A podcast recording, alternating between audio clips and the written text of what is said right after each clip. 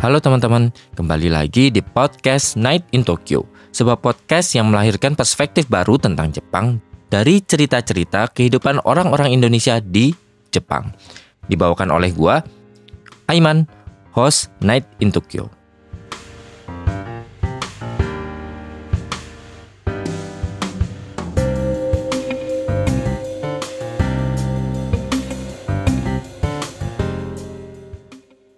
Halo teman-teman, kembali lagi dengan gua Aiman di Night in Tokyo.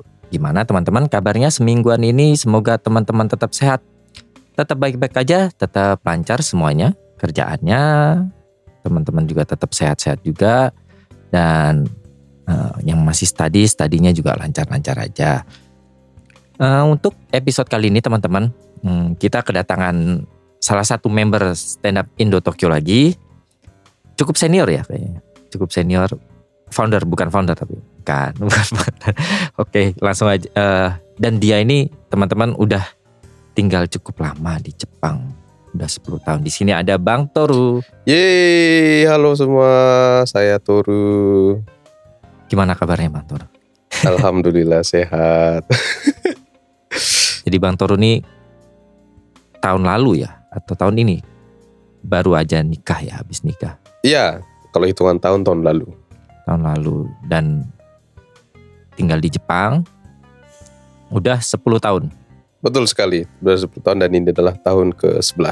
tahun ke-11 gitu. Nah, eh, sebelum kita ngobrolin tentang kehidupan di Jepang, terus kerjaannya gimana dan lain-lain, gue pengen tahu nih, eh, Bang Toru ini aslinya dari mana gitu, Eh, sekolah di mana, anak mana deh. Iya, kalau saya nama saya Toru Sihombing dari namanya sudah bisa ditebak kalau saya orang Batak. Dan saya soalnya langsung dari tanah Batak sana dari Sumatera Utara. Lebih tepatnya di dekat Danau Toba, Pulau Samosir. Saya dari situ dan sampai SMA juga dan masih sekolah di sekitar situ. Saya lulusan SMA Yayasan Sopo Surung kalau di Sumatera Utara itu cukup terkenal itu termasuk sekolah internasional juga di sana dan setelah dari sana puji Tuhan alhamdulillah bisa dapat beasiswa ke Jepang oleh karena itu sekarang bisa berada di Jepang kira-kira gitu Sebelum ke Jepang sendiri, termasuk yang ini nggak sih, yang mengidam-idamkan Jepang gitu? Eh, kalau saya sering ditanya pertanyaan seperti itu ada dua jenis jawaban diplomatisnya iya sejujurnya tidak jadi diplomatisnya biasanya kenapa memilih Jepang karena saat kecil saya sering nonton Doraemon Iya, saya melihat perumahan di Jepang sangat rapi, orang-orang yang sopan, makanya saya pengen ke Jepang. Tapi sejujurnya tidak.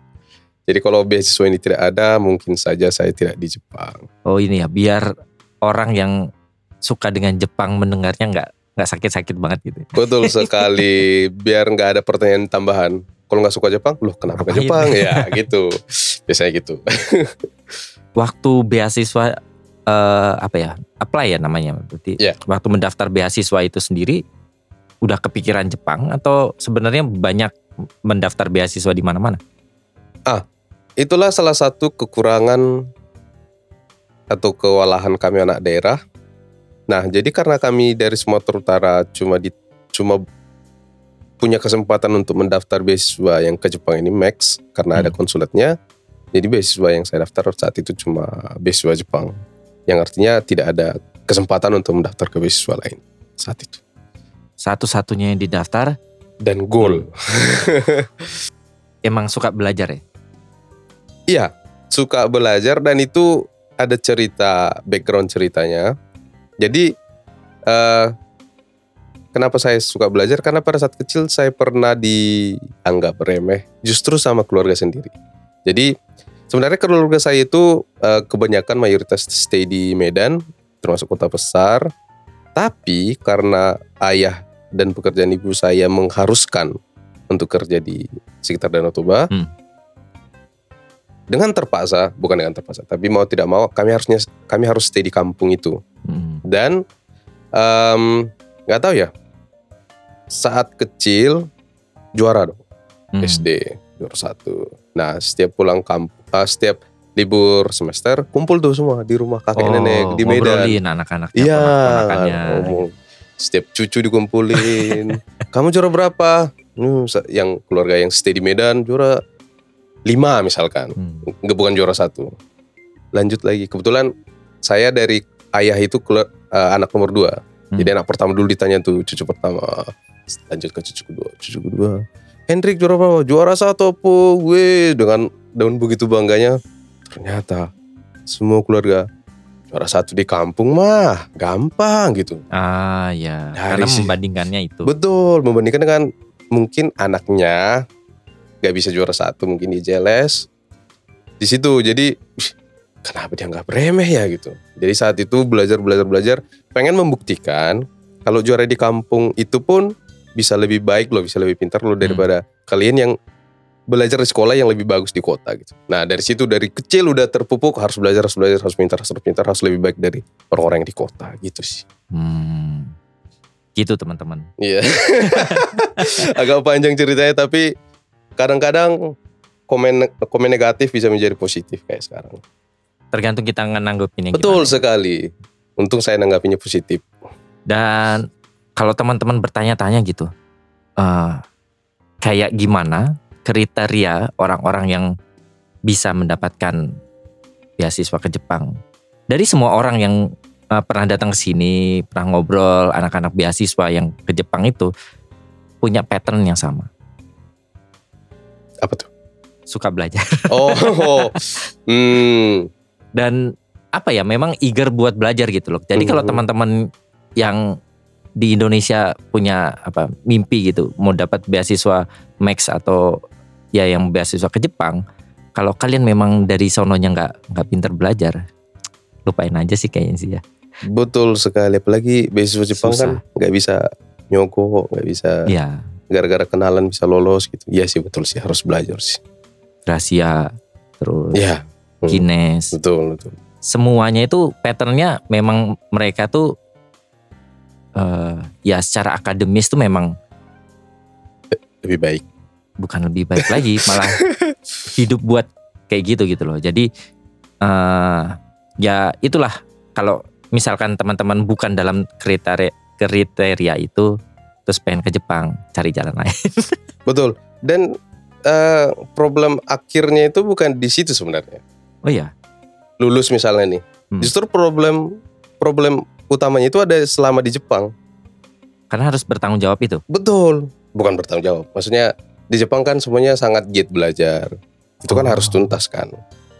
Nah. kumpulnya sama anak beasiswa juga Betul. Jadi kalau misalnya untung-untungan lolos beasiswa, ternyata nggak suka belajar, itu pasti ter- tersiksa tuh selama di Jepang. Dan memang banyak yang kayak gitu. Bukan banyak, ada beberapa jadi kohai-kohai lolos tuh ke Jepang. Mungkin dia pintar dengan sistem yang ada di Indonesia, tapi nggak giat belajar. Jadi pada saat dia nyampe di Jepang, melihat situasi yang mengharuskan dia harus giat belajar, menulis report, eksperimen dan segala macam, banyak juga yang pulang nggak kuat. anak beasiswa itu Iya. Oh.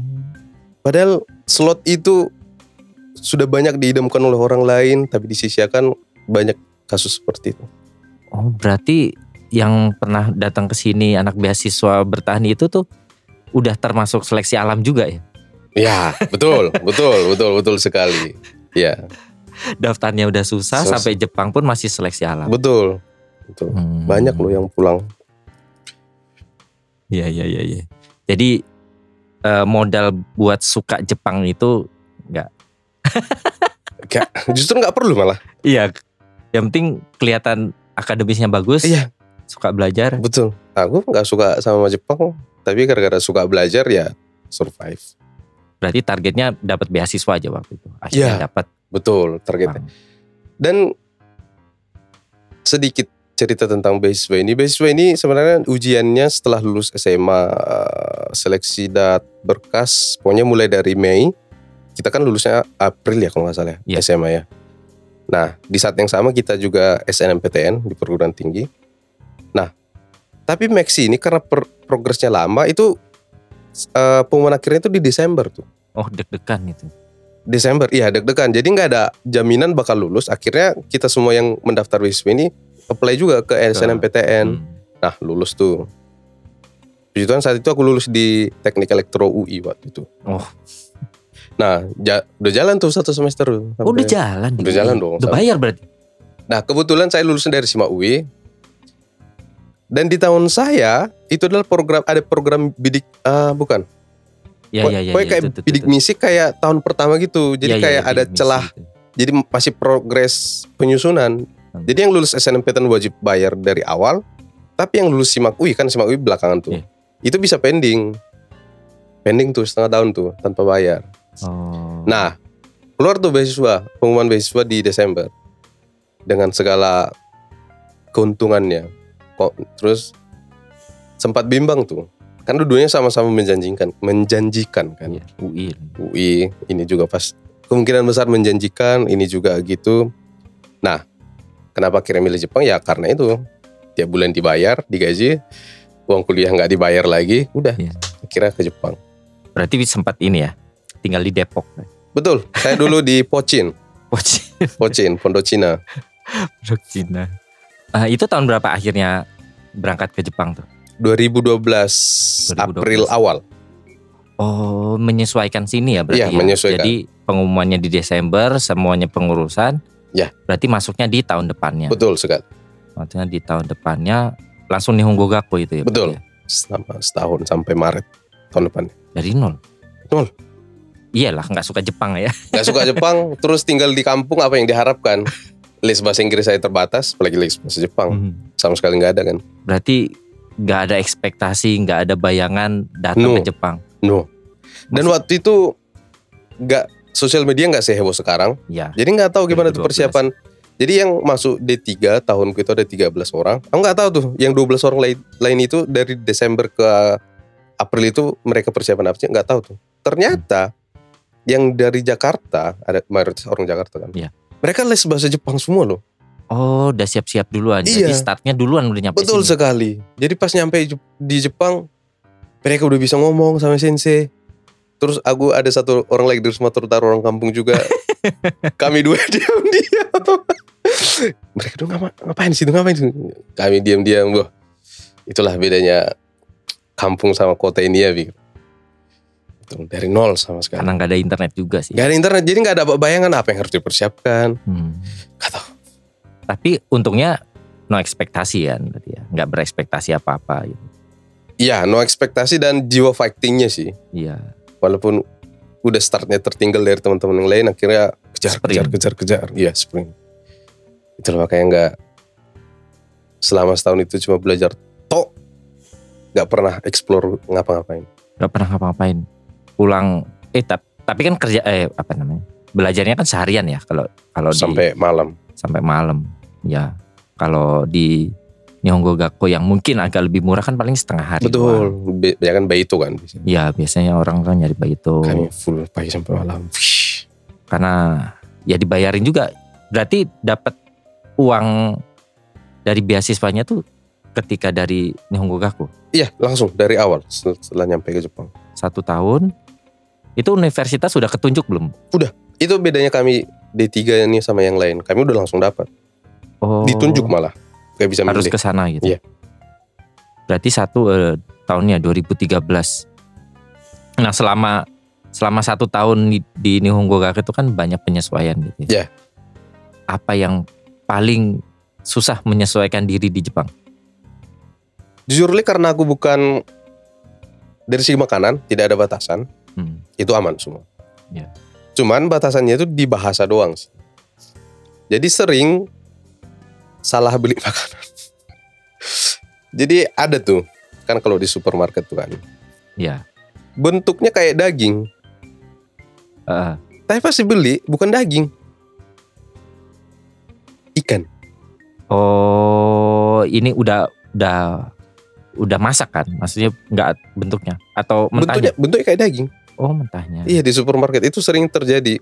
Karena nggak bisa baca juga. Gak kan Ya, bisa baca. Terus bumbu-bumbu juga bentuknya dari luar kayak garam, Taunya. pas dimasak gula itu sering-sering terus apalagi ya misalnya kalau supermarket di Jepang kan lebay maksudnya terlalu banyak yang di display Ah, ya ya ya. itu wasting time sih nyari-nyari mau nanya nggak bisa Tuh Mau beli- awal-awal tuh kayak gitu. Tuh. Buh, struggling. Kanji semua gitu. Kanji semua mau beli, mau beli misalnya let's say tepung. Gak tahu tuh di mana tuh. Karena saking banyak raknya itu kan. Mau naik nggak bisa. Itu sering selama Dan setahun- jangan dibayangin kayak sekarang ya. Kita bisa Google Translate dan Iya. lain-lain. Sekarang kan tinggal fotoin, cek di mana kan bisa kan. Bi- Bisa Dulu nggak bisa sama sekali. sampai eh, sampai berapa lama tuh kayak gitu terus. Setahun pertama ada kali. Oh ada lagi paling paling paling bikin rugi selama setahun itu. Jadi Bikin rugi. Iya. Jadi 2011 eh 2012 itu adalah tahun di mana provider masih gencar-gencarnya nyari customer. Ah, iPhone iPhone baru masuk gitu berarti kayaknya. Enggak masih sih, tahun-tahun baru ma- baru masuk. masih softbank doang kayaknya. Enggak tahu sih. Betul, softbank. Jadi kita nggak tahu gimana tuh bargainingnya. Cari di mana promo yang murah. Tiba-tiba, nah pokoknya saat itu kita tinggal tinggal bilang yes yes no doang sama senpai. Senpai ngajak kita. Mhm. kita nggak tahu kalau softbank ini beda beda toko beda harga kami diajak ke softbank Domotis Sando gimana logikanya gitu Domotis Sando ya udahlah karena kita juga butuh handphone Senpa juga udah baik-baik Itu bulan keberapa tuh? Bulan pertama juga. bulan pertama nggak bisa ngapa-ngapain ya udah kita semua diajak ke situ tujuh ribu dan itu bukan internet di HP pocket wifi HP dan Hmm. pocket wifi Jadi beli HP-nya juga Iya. sama pocket wifi pocket gitu. wifi dengan teknologi di saat itu pocket wifi belum bagus Beuh, satu 3G angkatan eh belum 3G ya? 3G 4G lah 3G 4G ya? satu angkatan kami s- it- dan itu kan dua tahun kan kontraknya putus kontrak harus penalti satu mang Satu mang biasanya. dua tahun kami nggak bisa ngapa-ngapain 7 ribu lagi. tujuh ribu Terbuang sia-sia. cepat panas lagi Oh iya. pocket wifi-nya cepat susah dapat sinyal harus dia Pertimbangannya apa itu? berarti? nggak tahu makanya aku bingung kenapa sen pemilih itu dan bingung kenapa diajakinnya ke toko itu selama 2 tahun kali 7000 ribu per bulan Dapat komisi kali dia. semoga ko- podcast ini dia tidak mendengar Orang Indo kan? orang Indo Max juga bukan? next I don't know Mungkin agak sok tahu kali ya. ya makanya kasus kasus kasus seperti ini Hmm. karena kita kurang informasi dan kurang bisa bahasa itu banyak kerugian selama setahun itu Tapi memang ya kalau teman-teman nggak tahu eh, di Jepang itu urusan handphone itu paling menyita pikiran. Karena kalau kita kita nggak tahu, jadi paketnya sama orang si itunya. Kalau dia dia kan kerja terus ya Betul. mungkin dapat komisi dari situ. Jadi di diiniin semua gitu loh, Betul. dimaksin semua gitu. Betul. Jadi betul feature ini di okein, okein, Betul. okein, okein, tahu-tahu sepuluh ribu. betul Nah Iya. kalau kita nggak tahu tuh bisa kayak gitu teman-teman. tanpa sepengetahuan kita itu di checklistin itu Ad- ads on itu kayak lagi viral juga tuh di Jakarta sekarang bukan HP tapi di toko donat kalau nggak salah Hmm. pengen beli donat yang set 6 tanpa sepengetahuan customer banyak ad- ads onnya ujung-ujungnya di atas 100 ribu kira-kira kayak gitu Iya, iya sistemnya. kayak gitu. Gitu. Padahal sebenarnya kita juga nggak butuh gitu. nggak Misalkan- butuh betul sekali nggak butuh Misalkan roaming gitu kan nggak butuh. nggak butuh Nggak butuh terus. telepon gratis SMS Ah. gratis ada tuh Ya. Hmm. Eh, lima menit pertama betul betul gitu. betul itu Terus SMS. Terus sekarang siapa yang pakai SMS ngapain pakai yang itu? telepon gitu. aja nggak pakai Telepon aja nggak pakai Semua terus. mobile kan Eh, tethering aja bayar lagi. dulu bayar betul Sekarang bayar. kok. masa Iya, tethering bayar sekarang.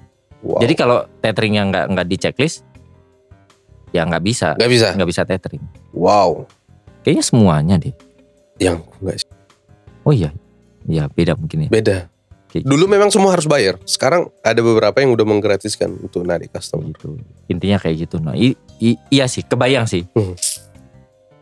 Eh, gila gila gila Banyak sih ruginya waktu itu.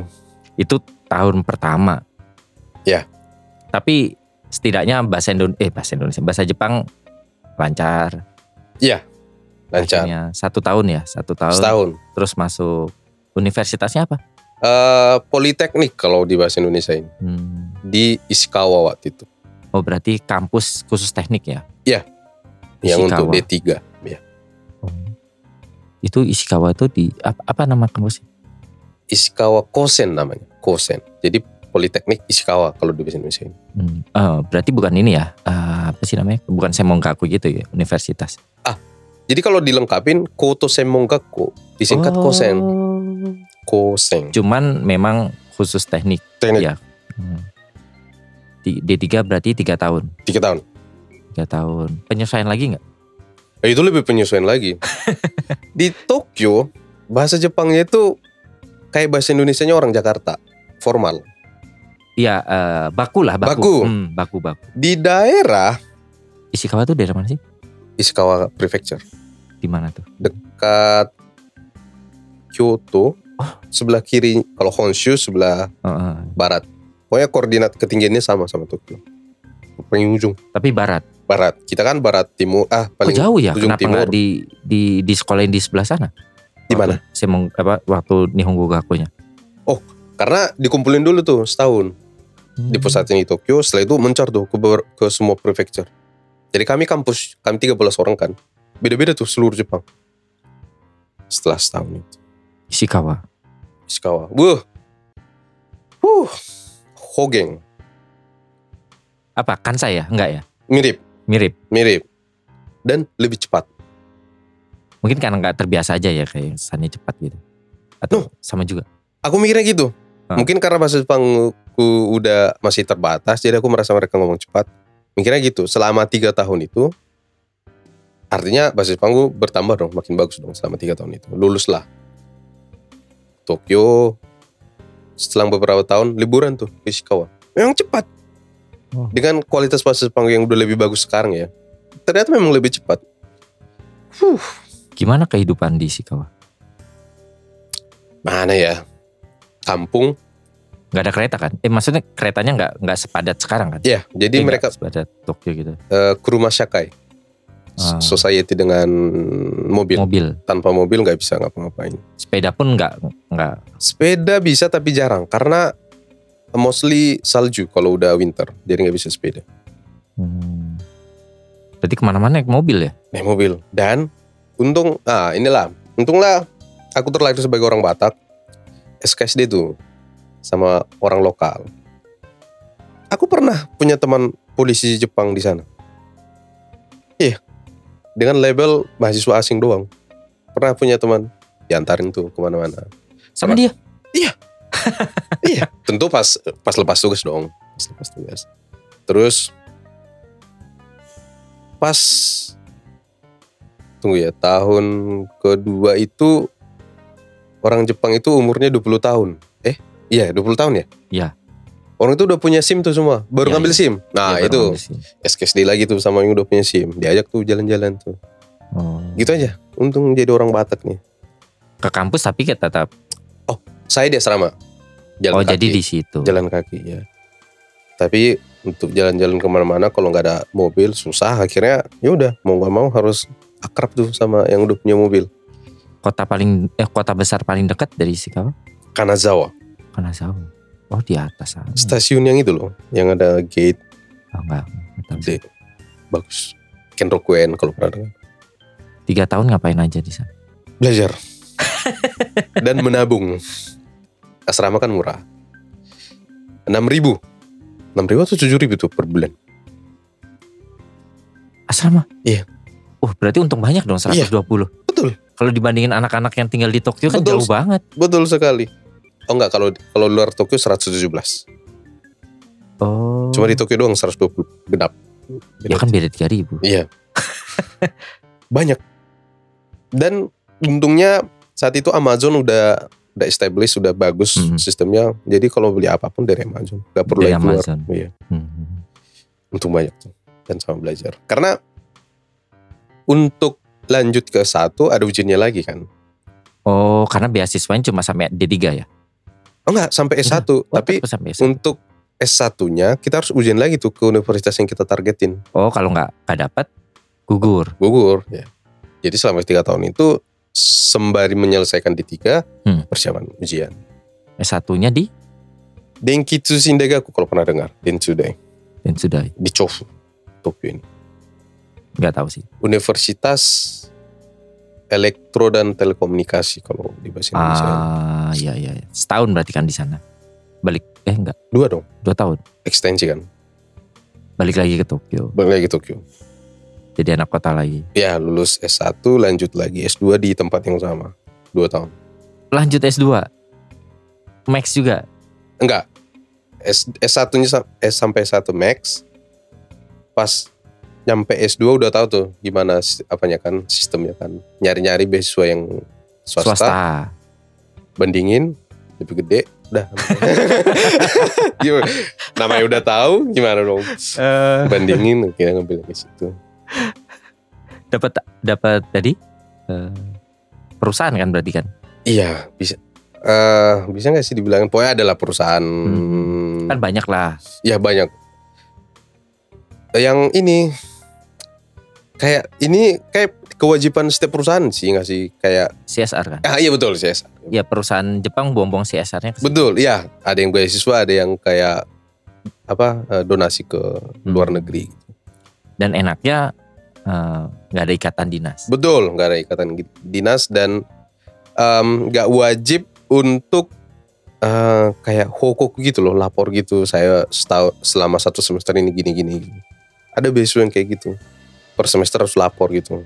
Harus men- menyentuh target gitu nggak juga. Enggak, Oh. pokoknya lapor saya belajar loh gitu. Oh, oh. Ada, ini enggak. Aku canto ngecek ada enggak itunya. Kalau ada, enggak, enggak apply. sampai berarti belajar berapa tahun tuh? Hmm, Tahun, tiga, Delapan dua. total, in total. sampai S2 kan Sudah. tapi ya. S2 di Jepang ngaruh nggak Untuk pekerjaan? ngaruh. Di Jepang ya. Iya. Kalau apply keluar, kayaknya enggak ngaruh. iya, tapi kalau untuk nyari kerja di Jepang sangat ngaruh. Lulus berapa tahun berapa tuh? Sampai S2. 2020 Maret. Eh, universitasnya sama ya berarti ya S2-nya? Sama. 2020. 20 Maret. Wah, pas sebelum Covid dong. Betul, Udah Oke. dapat duluan tapi. Kerjanya apa sekarang? kerjanya sekarang di perusahaan ini telekomunikasi Oh. di Jepang. Itu kan cari kerja kan setahun sebelum. Oh iya benar benar benar. 2019. Susokatsu dong Iya, itu. 2019 sudah dapat. Daftar berapa perusahaan kira-kira? Itu doang. karena karena karena ke, cepat kepikiran eh, untuk S3 waktu itu. Oh. Kalau gagal, iya, iya, In iya. case gagal, S3 udah. Karena nggak terlalu serius juga nyari kerja waktu itu. Ah. Karena beasiswaku ini kalau lulus S3 otomatis lanjut. ini nih teman-teman. Eh, yang yang yang dibilang orang yang disayang Tuhan tuh gini nih. Bayangin eh, dari kecil diremehkan gitu. Iya, betul betul betul. Eh, jauh dari kota Betul. dapat beasiswa ke Jepang yang di mana eh, tertarik dengan Jepang aja enggak, Enggak. mulai dari awal belajar Bahasa Jepang. pindah ke kampung Jepang Iya. bersosialisasi terus akhirnya dapat kuliah sampai S2 apply perusahaan cuma satu, Satu. dapat yang di mana teman-teman orang Jepang aja minimal 10 ada yang sampai 15 itu pun nggak dapat dapat iya ada yang sampai 20 ada teman satu angkatanku yang beasiswa ini juga Hmm. 20 yang keterima cuma tiga tapi sebenarnya bukan eh, bukan blind juga kan kayaknya di dalam diri udah tahu celahnya juga betul aku udah tahu sih bakal keterima waktu itu kira-kira apa tuh eh apa yang eh, yang membuat kira-kira yang membuat bisa langsung keterima apa ya waktu itu ya karena Oh, tunggu sebelum membahas kenapa aku bisa yakin kita bahas dulu gimana sistem cari kerja di Jepang oh ya yang literally aku nggak tahu sampai aku mengalami. Nah di Jepang ada namanya internship.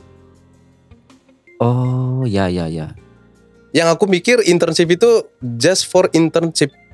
Mm. Jadi pas aku tahun kedua S2 di nat di summer, Hmm. satu angkatanku lab di kampusku semua internship. Hmm.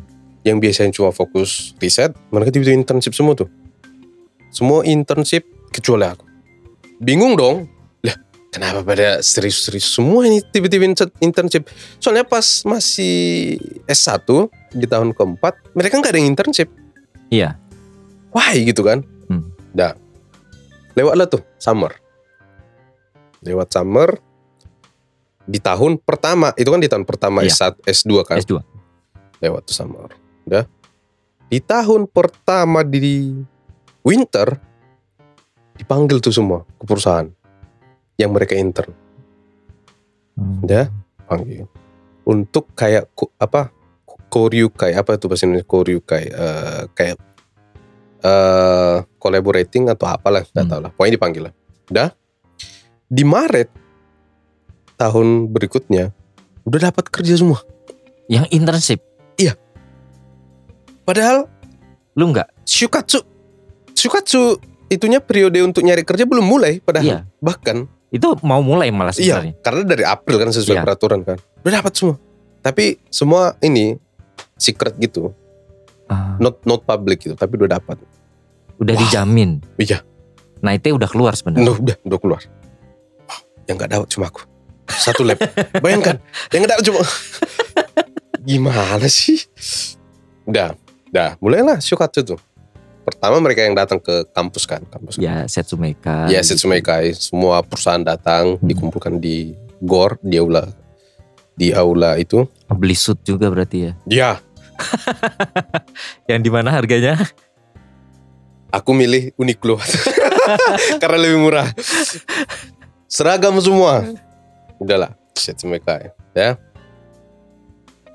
Dijelasin kita bakal ada ini loh, Kengaku ke lab kami, eh, ke R&D kami, Hmm. which is ah, ah, perusahaan yang sekarang ini diajak ke sana. Nah, dapat tuh info dari belakang tuh dari senpai. Kebetulan labku itu bagian telekomunikasi. Hmm. Jadi senpai senpaiku itu kam- ada kayak gabungan empat lab di satu center itu eh, lab center ada sekitar 20 an orang lah perangkatan terus Hmm. karena ada empat lab kan setengah ke perusahaanku yang sekarang Hmm. setengah lagi ke perusahaan yang awalnya K Hmm. K jadi mereka ngasih tahu tuh gimana cara caranya nah jadi kalau saat kau kenggaku ke R&D itu malamnya pasti ada acara makan minum Hmm. Nomikai. tanyalah apapun walaupun nggak mungkin tapi tanyalah yang membuat mereka itu ngingat kau Yang penting mukanya terus. iya pokoknya ketahuan gitu Itu dari senpai orang Jepang. orang Jepang Hmm. ditanya udah Oh, senpainya udah udah masuk di udah situ. udah udah jadi Oh, dia- pegawai dia di udah tahu situ celahnya iya ya, udah tahu iya. celahnya dia Hmm. masuk jalur intern malah Oh iya iya. Iya. masuk udah aku tanya tuh gimana caranya 5G ini karena aku tahu tuh Hmm. 4G dan 5G ini eh, coverage area-nya itu beda. Kalau Hmm. 4G bisa sampai 200 meter lebih, tapi kalau 5G maksimal 100 meter. Iya, gitu. Sempit. Jadi untuk meng mengcover wilayah yang sama jumlah BS-nya itu BTS-nya itu yang dikorupsi sama Pak Menteri itu bis- bisa hampir dua kali lipat gitu. loh. Iya. Nah, tanya dong, gimana sih cara kalian meng meng- mengcover se Jepang yang seluas ini dengan coverage 5G yang sempit, tapi budget kalian se- terbatas loh gitu. Hmm. Itu langsung diingatnya. Oh gara-gara Iya. pertanyaan itu. Pada saat Shokatsu, aku ngeplay dong Interview. interview. Oh kami yang latih itu ya. Hah? Udah. Hal yang harusnya tiga, cuma dua kali interview. Iya. Berarti nggak ketemu atasan bosnya yang paling tinggi ya? Yang tiga kan selalu yang paling tinggi. Oh sampai buco Sampai buco doang. doang, iya waktu itu. Udah dua kali doang. Yang waktu itu diajak ngobrol pegawai biasa sebenarnya. Eh, bawahannya Buco waktu itu. Mungkin Oh. dia yang ngasih tahu ke Buconya ya. Mungkin. Terus ditanya lagi. Eh, terus pada saat interview ada juga ini balik nanya. Hmm. Biasanya interview yang nanya ka- eh, kandidat kan. Hmm. Terus kalau di Jepang nggak tahu tuh. Kan kadang dikasih waktu 5 menit untuk nanya balik. Oh iya, pasti pasti.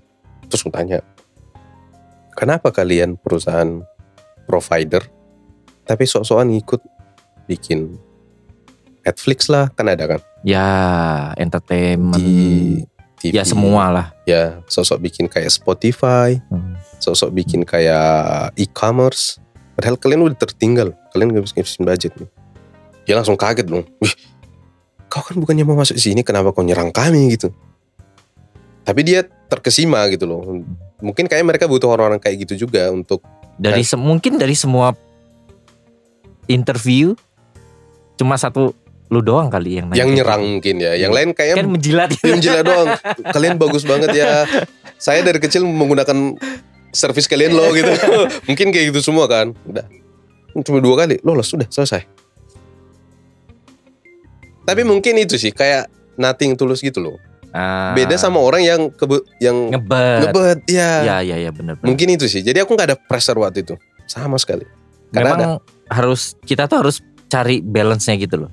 ada- Kita nggak Ah. boleh terlalu santai. Hmm, hmm, Kita hmm. tetap harus terlihat intelek, tapi Iya. kita nggak boleh grogi juga. gitu. Betul, betul, Jadi betul, harus di betul. tengah-tengahnya Betul, situ betul, gitu. betul Oh. sekali. Iya, iya. Itu dong. Oh, berarti eh, bukan laki teman-teman. Ya ada strategi juga. Ada ada strategi sorry. juga. Dan ada plan B juga kan yang mau S3 dokter itu. Oh, mungkin gara-gara ada plan B itu. jadi. Betul, betul. Jadi nggak ada pressure sebab itu. Hmm. eh, karena eh, mungkin teman-teman kalau yang pernah nyobain nyobain apa ya job hunting ya kalau Iya, nggak salah. iya, job hunting betul. job hunting di Jepang itu gila banget teman-teman.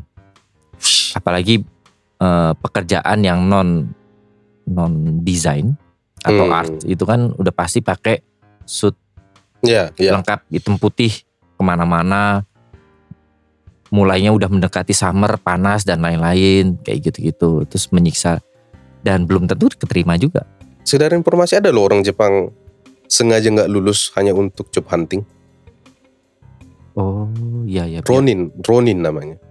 Ngulang setahun. Jadi kan tahun kedua tuh misalnya in case S2 ya, tahun Hmm. kedua tuh job hunting. Nggak dapat apa tuh sampai Maret. Padahal harus lulus tuh Maret. Hmm. Dia Di, di hold.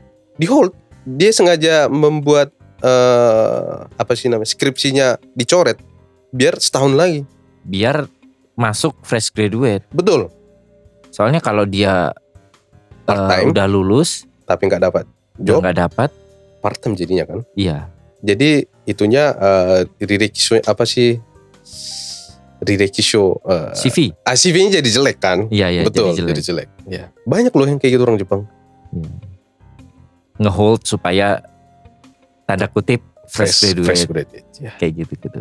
Ya memang sih hidup penuh Itu strategi. ya. ada yang mulus ada yang tidak ada yang mulus, ada yang tidak. Memang ya cobain deh teman-teman ngerasain job hunting di Jepang itu cukup stres karena kecuali ya memang ya itu beneran gua gua sendiri juga eh nggak sih nggak nyampe nggak nyampe 20 karena diuntungkan udah punya eh, apa sih namanya pengalaman oh di dulu di Indonesia udah Oh. kerja duluan lima tahun di bidang yang sama tadinya nggak mau balik di bidang itu oh. tapi iseng apply di perusahaan desain graphic design satu-satunya itu lolos juga yang lainnya nggak lolos karena memang tadinya mikirnya apa ya karena saya mau ngakunya kan bareng Guinness ya eh, bisnis oh iya iya. jadi memang waktu setelah lulus Nyonggo Gakko kan kalau ngulang desain lagi ngapain gue udah khatam beginian gitu. Iya, iya, Jadi iya. nyari sesuatu yang beda Hmm, sekalian bisnis ternyata lulus. jebol. mau nyari ah, apa desain lagi ya, grafik desain lagi ah, cobain yang lain dulu kayak misalkan ke Uniqlo apa Iya iya. aparel gitu-gitu gitu. Yang lolos cuma satu. Eh bukan. Yang lolos sampai interview ketiga tuh cuma satu. Oh. Lacoste gitu dan eh, itu pun kayaknya ketiga itu interview ketiga itu kayak slip dikit itu karena ya sebenarnya yang itu udah lolos duluan Oh. jadi slip gitu pokoknya itulah teman-teman Eh, apa ya ada ininya lah ada ada cara-caranya buat gaijin itu eh apa ya job hunting di Jepang jangan Hmm. terlalu pede karena kamu bisa bahasa Inggris juga sih sebenarnya karena bahasa Inggris itu tidak membantu ketika kalian bekerja di environment Jepang sangat tidak. Kecuali memang perusahaannya multinasional. multinasional kayak gitu. Jadi jangan merasa bahasa Inggris itu nilai plus. Yakinkan bahwa kalian itu bisa beradaptasi dengan cepat komunikasi dan lain-lain di environment itu. Nah, itu bagi orang Jepang value banget buat gaijin. Iya. Nah, Gitu. Ya banyak lah sebenarnya ya eh, berarti tipe ini ya. Lu tipe effortless tapi efektif. Betul. Efisien Efektif. bukan efektif, Ya, efisien. efisien, efisien. Oh, Dan penuh strategi. dari kecil jangan belajarnya kayak gitu. Enggak. Dari kecil malah boros sih, boros, boros. Hmm, Gimana ya bilang ya? Pokoknya kerjain aja dulu gitu. Jadi nggak pernah pakai strategi waktu kecil. Yang penting belajar aja, belajar aja. Nanti kan aru kalau kata orang Jepang. Oh.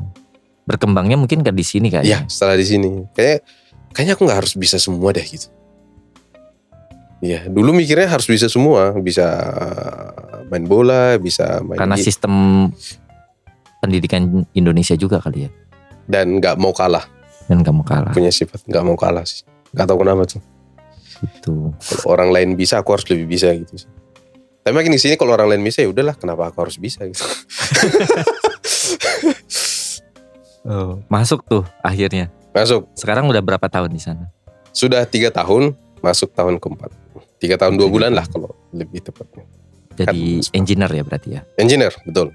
Engineer di salah satu perusahaan telekomunikasi terbesar. Telkomnya Jepang lah ya kayaknya. Iya, saat, saat ini paling besar share Paling besar. 40 persen lebih. Ya Telkom enggak sih Telkom Telkom Indonesia lebih mendominasi sih. Nah, Iya. di Indonesia ya maksudnya. Iya, betul. Tapi ya kalau di di compare tuh ya Telkomnya Telkomnya Jepang lah kayak gitu. Biar dapat gambarannya kira-kira gitu. Tuh tiga tahun jalan empat. Iya. Eh, menyesuaikan lagi. Sangat. Tapi kan nggak pernah nggak pernah kerja di Indonesia kan. Enggak, makanya nggak bisa bandingin. Hmm, Tapi Ah, environmentnya dibanding sama kampus sangat beda. dong. beda ya. Ya, kampus kan masih bisa leleha. Ada target tapi terserah kita kapan kerjainnya kan. Hmm, Di sini ada target tapi teamwork gitu loh. hmm. Jadi ada project kita nggak bisa kerjain sendiri. Jadi kita harus bergantung sama orang lain. Hmm. dan juga sebaliknya ada juga project yang harus ada ada bagian kita juga di situ kita harus ngerjainnya sesuai waktu gitu Whoosh. jadi tiap hari pasti ada meeting dalam bahasa Jepang Eh, perusahaannya kan cukup besar dan Iya. nggak tahu ya se, se- pro- seprogresif apa perusahaan itu. Eh, masih Jepang banget atau udah modern? masih Jepang Ah. sangat Jadi semua fresh graduate tadinya awalnya dari nol semua, diajarin lagi betul betul betul betul harus harus apa ya harus aktif nanyain senpai betul betul, betul. dan hierarkinya masih kerasa ya masih makanya kan kadang Duh, udah sempat bilang nama perusahaan lagi tadi Gak semua buco itu pintar bilang. kira-kira gitulah kesimpulannya mungkin karena dia lebih lama aja di sini betul cuma ya urutan masuk perusahaannya aja beda Eh, divisi ah nggak usah lah ya pokoknya yang bagusin kualitas network di bagian Tokyo lah khusus Oh, fokusnya di Tokyo ya? Iya. Nah itu, ya itulah pokoknya eh namanya perusahaan Jepang banget lah ya. Iya. Ya kalian bisa tahu lah eh, kalau Jepang tuh se-strict apa gitu. Nah itu tuh kalau kalian kerja itu double ya, berlipat-lipat, nggak boleh ini, nggak boleh itu, apalagi jam kerjaan, terus apa sih namanya menghadapi senior atau bos itu tata bahasanya beda lagi Eh, nulis email itu awalnya harus panjang pada intinya cuma satu baris itu Wuh. satu baris terus eh, apalagi ya Eh, kalau di perusahaan ada ceweknya ada kebetulan di departemenku termasuk departemen yang lebih friendly ke cewek banyak cewek Eh, masih eh, masih ada budaya cewek yang bikin oca gitu nggak? Oh enggak, kalau itu Nggak. enggak ada dari awal Nggak. memang enggak ada. Udah nggak ada ya berarti. udah. Justru kitchennya pun kecil, Hmm. enggak ada enggak ada untuk oca-oca gitu. Lagi mungkin gara-gara corona itu juga mungkin. ya. Jadi pas aku masuk udah Oh. hybrid. Mungkin Udah main, hybrid. mainly WFH kali ya waktu itu ya. Iya kalau waktu itu. Tapi sekarang udah balik semua. Hybrid malah. Udah bakal terus hybrid nggak akan full. Oh, berarti sama di di tempat gue juga gitu. Jadi bukannya disuruh tapi dikasih pilihan lah. Iya, if you want you can go. Nah, yang sini a- ma- bahkan ada yang dua kali seminggu doang. Iya. Ada yang memang full time semuanya di di kantor dan lain-lain. Iya. Itu tiga tahun. Nah, eh selain itu punya YouTube juga ya. Iya. Punya Punya itu YouTube juga. habis ngabisin waktu. Tapi gue pernah lihat ada yang cukup besar loh view-nya. Iya. Hampir hampir setengah eh lebih malah 600 ribuan. Iya. Itu apa mulai eh, motivasi awalnya apa mulainya? Oh, motivasi awalnya pengen ini sih. Em, gimana sih pers- perspektif orang Jepang terhadap Indonesia? Pengen tahu itu doang sih. Makanya banyak interview kan. Eh, tahun berapa mulai? Mulai intensnya itu kapan ya? Lama. Pokoknya pas udah nyap balik ke Tokyo lagi Oh, setelah dari Ishikawa. setelah dari sekolah. Ah, lumayan lah. Oh, ya udah udah mulai udah mulai ini. Kirain OG-nya YouTube YouTuber di Jepang bukan ya? Bukan, bukan. Banyak lebih duluan. Yang mantap mantap bukan lebih duluan. Oh iya di di YouTube-nya Hmm. ada ada juga ya Pak. iya itu lebih Meskipun duluan. view-nya kalah mantap sama yang lain gitu. Yalah, Tapi eh sekarang masih atau enggak? no time stop video sih ada tapi no time untuk kesana lagi cek ngeceknya Cukup menjanjikan gak sih dulu atau se- sekedar ngisi waktu? sekedar ngisi waktu no target makanya per misalnya kan ada juga tuh youtuber tiap minggu sekali gitu sempat mikir ke sana cuman wah nggak kekejar apalagi pas S2 kan banyak tuntutan riset segala macam gak keburu Apalagi kerja gitu udah kenal Wah, kerja udahlah sibuk, udah kenal gimana gajinya gitu, udah makin malas jadinya. Iya. Nah sebenarnya yang viewsnya banyak itu, itu sebenarnya ada psikologi di sana. Kenapa bisa gede? oh ya ini lagi nih Iya. strategi lagi nih. Kalau nggak salah views yang paling gede itu adalah views di mana aku ngenalin atau ngajakin orang Jepang makan di di restoran Indonesia yang ada di Jepang. Nah, di tahun itu overpriced Indonesian Indonesian itu banyak. Lagi ini ininya ya.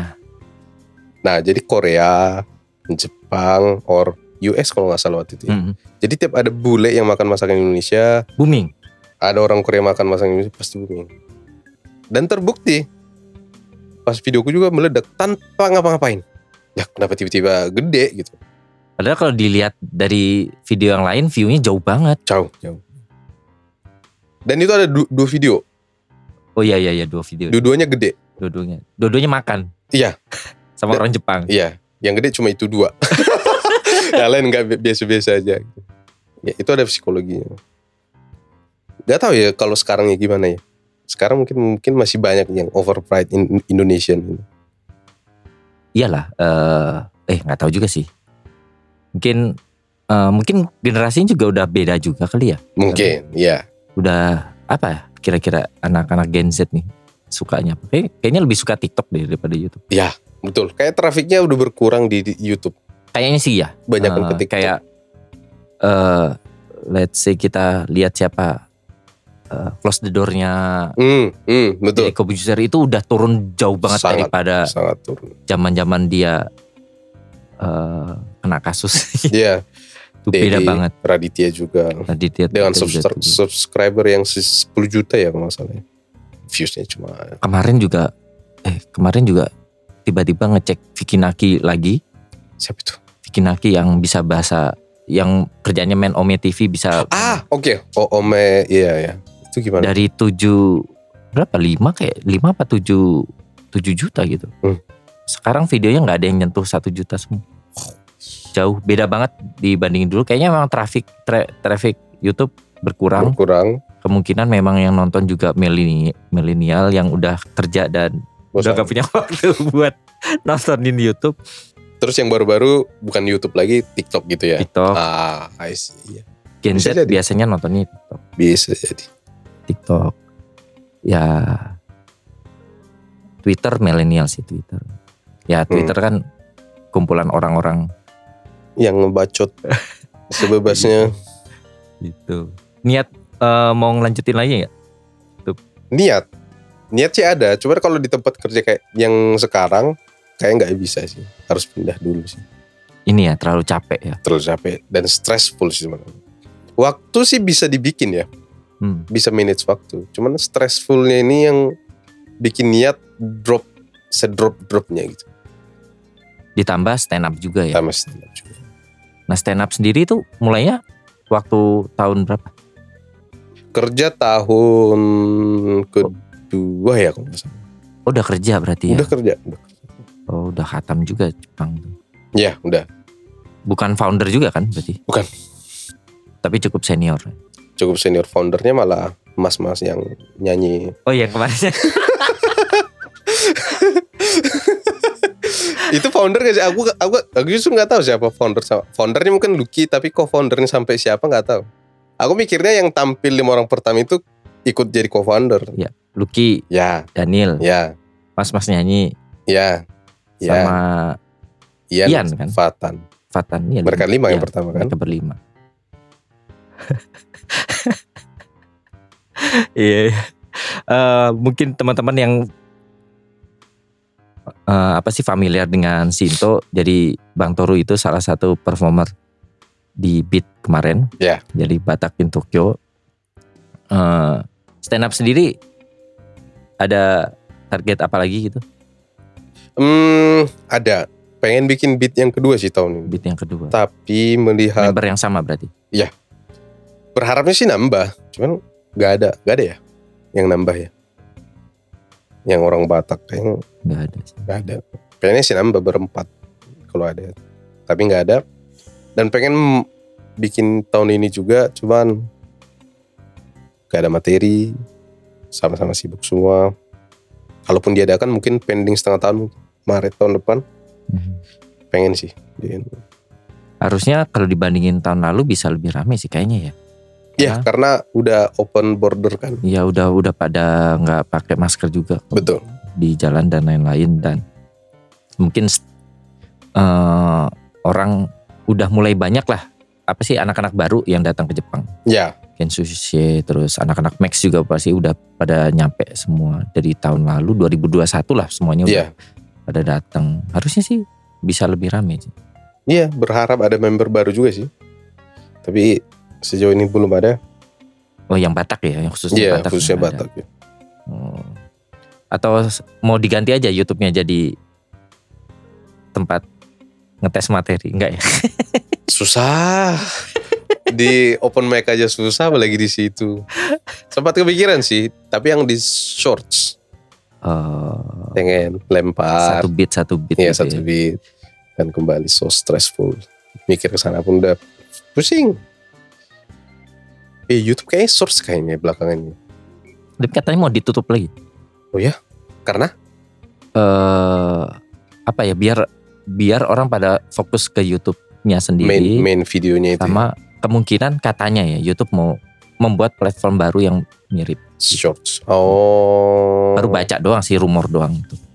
Kemungkinan Hmm. ya ya gitulah kan eh, TikTok pen- ini banget ya serangannya gila sih ngebaca sih dia, dia kayaknya si TikTok sih yang bikin menang TKD sekarang itu karena dia ngebaca demand eh, ngebaca pasar Gen Z oh genera- generasi Z yang kayaknya belum tersentuh dan ya itu ya apa karakteristiknya juga sih kayaknya eh, YouTube sekarang yang rame kan podcast sebenarnya Maybe. ra- Ah, yang rame podcast Kak. Kayak talk show maksudnya kan? Iya. Ya. podcast talk show dan lain-lain kayak gitu tuh ya sebenarnya bukan Gen Z juga yang lihat milenial Gen Z tuh mungkin lebih lihat short mungkin nggak tahu sih Ah, yang durasinya lebih singkat. kalau dibaca anak Gen Z itu lebih nggak ini lebih nggak betah oh. buat nonton video yang banyak Wow. Seperti, jadi sebenarnya YouTube sekarang eh, ini apa ya ladangnya orang-orang tua sebenarnya kayaknya ya orang dewasa. Tapi Emen bukannya itu ya bikin empat masa sama Iya. teman-teman yang lain. Itu gimana tuh targetnya tuh? targetnya Sorry jadi aku yang nanya. kayaknya kita tetap nargetin apa ya eh, sebenarnya belum ada belum ada omo- omongan targetnya kemana-mana tapi yang kita lihat sih kita materinya kayaknya milenial sekali gitu jadi kayaknya targetnya milenial juga sih Terus itu benang merahnya itu apa tuh? benang merahnya Core konten ke depan itu. core konten kedepannya itu ya sebenarnya kayak entertainment aja Dari Jepang ke orang Indonesia. dari Jepang ke Oh. orang Indonesia jadi hal-hal yang apa ya lebih tepatnya eh, yang nggak dilihat atau belum disajikan selama ini di Jepang misalkan Eh, ya Oleh konten kreatornya yang ada di Jepang. ya jadi kan pasar itu udah ada itu Ya, ya. itu nggak usah lah nggak usah di nggak usah diganggu gugat Iya, itu iya, iya. udah biarin aja kayak gitu tapi kita kayak bikin reality reality show kecil-kecil aja sih Hmm. yang memang Jepang banget gitu loh. Oh. jadi ya gitu meskipun eh gue juga nggak tahu ya susah untuk untuk untuk statistik Gen Z kan berarti kan di di bawah di bawah 25 ya susah karena Iya, 2000 kan? Tahun 2000-an lahirnya kan? karena karakteristiknya beda mereka lebih banyak ngumpul di ini eh ini podcast gue aja Gen Z-nya cuma 19% mereka kebanyakan ngumpul di di TikTok Hmm. jadi susahnya di situ mungkin buat nge-booming sama kayak yang lama itu susah Ya, ya, ya. cuman ya kita kayak kolaborasi sebenarnya kenapa yakin ngebentuk karena bebannya dibagi-bagi doang sih sama-sama punya ide cuman karena kalau ngerjain sendiri kan pusing kan Pusing. pusing Tapi ngerjain rame-rame belum tentu tidak akan pusing loh. iya tapi eh, kita udah punya ini masing-masing Tanggung jawab masing-masing. tanggung jawab masing-masing misalkan si Daniel di sini Emmanuel di sini gua di sini kreatif dan desain kebanyakan di tangan gua Hmm. editing produ- production eh, production ada di Emmanuel. Daniel itu mostly orang PR dan ngurusin admin dan lain-lain. Yemima kebanyakan karena dia paling muda, dia yang paling betah ngurusin sosmed Ah. kayak gitu. Jadi bebannya eh, punya tanggung jawab masing-masing sih. Soalnya aku udah tonton tuh dua video kalau nggak salah yang ada Iya, baru Dodo dua video. sama yang uh, open dan yang dari Jihang gitu loh. Iya, Jiangki. Eh Jiangki, ya Jiangki baru dua video. Baru dua video kan. Menurutku proper tapi tidak sebanding dengan Return ya. traffic. Traffic. Traffic. Iya. Karena eh, dari nol. Hmm. susahnya gitu karena dari nol bukan siapa-siapa kecuali ada yang udah terkenal masuk jadi guys mungkin bisa naik trafficnya ke bawah tapi ya sementara jalanin dulu juga sih Hmm, itu targetnya sekali seminggu videonya. gue malah nggak tahu lagi iya kayaknya Soalnya aku cek itu per- sekali seminggu sih. Iya, kayaknya. seminggu sekali ya iya benar-benar seminggu sekali Itu nyewa studio ya, nyewa studio yang sama Dodo itu ya. Hmm. ntar tungguin aja ada ada dua program baru lagi habis ini Oh iya, nggak dua sih. iya ya dua ide idenya baru dua tapi belum di belum diproduksi jadi yang baru diproduksi dua dua program itu doang respect. Walaupun Betul. sibuk semuanya tapi masih bisa. Iya, iya. Iya. tapi kalau nggak sibuk berarti nggak ada duitnya kalau nggak ada duitnya nggak bisa ngerjain apa apa Nah, Iya, Iya, betul, betul. betul, sekali. jadi kayak Circular. muter eh, kayak gitu. ya gitulah ya itulah pokoknya teman-teman kalau yang dengerin ini pengen nonton empat masa bisa juga Ya. cari empat masa Bagus editingnya. editingnya kreatif ya enggak Itu siapa yang edit? Eh, ada eh, kenalannya Yemi sebenarnya dia editornya Yemi dulu Oh. jadi Yemi nge, YouTube juga cuman mungkin karena eh, dia pakai bahasa Inggris juga kali ya Ah, jadi pasarnya nggak di Indonesia banget gitu ada yang di Indonesia nonton tapi karena dia pakai bahasa Inggris jadi lebih meluas nah editornya editor dia dibawa terus ngeditnya di sini dan lain-lain gitu iya mau main empat masa dukung guys, empat masa guys. Eh, oke sekarang kedepannya nih Ya. Hah, gimana nih kedepannya apakah bakal terus di Jepang atau gimana Kalau aku sih mikirnya bukan di tempatnya, tapi di lokasi kerjanya. Oh, Ya, jadi mau pindah kerja gitu maksudnya. pindah departemen mungkin. Karena ini kan cukup besar kan tempat sekarang. kan. Ada juga divisi internasionalnya. Pengen ke Atau sana. divisi ininya. Development dan inovasi gitu kan kayaknya lumayan Atau- dinamis juga. Consulting. Oh, konsultan. Ada juga consulting. Nah, jadi kalau udah di divisi consulting kemungkinan besar akan pindah-pindah tuh ke berbagai negara. Oh, B2B kan gitu. kan. Iya, betul Consulting. B2B. Jadi kalau sekarang kan Pure pure jadi engineer ya di dalam negeri. di dalam negeri. Nah, jadi kalau udah di posisi di tempat yang kayak gitu either di Jepang atau di luar Jepang bebas aja sih Oh, Berarti masih loyal ya. di tempat itu. Tapi sebenarnya aku pertamanya pengen ke situ tempat kayak gitu. Dan dijanjiin sama HR bakal ada perpindahan rotasi pegawai per tiga tahun. Yang harusnya April lalu aku udah pindah dari tempat sekarang Ke? ke tempat baru, maksudnya pindah Oh, departemen di- gitu. divisi yang pindah lain. divisi. Hmm. Nah, cuman gara-gara perusahaan lagi ada perombakan struktur, disuruh tunggu. Mungkin September ah Juli mungkin akan pindah. Nah, seandainya pindah ke divisi yang aku bilang tadi, mungkin aku akan stay. Tapi kalau enggak, entah ke divisi yang entah nggak tahu aku nggak tahu di mana, stay dulu sambil nyari. Gitu. Pindah saingannya aja. Sama aja kan. Pengen pindahnya ke ini perusahaan multinasional gitu. Eh multinasional. Iya Atau- multinasional. Atau yang putih No.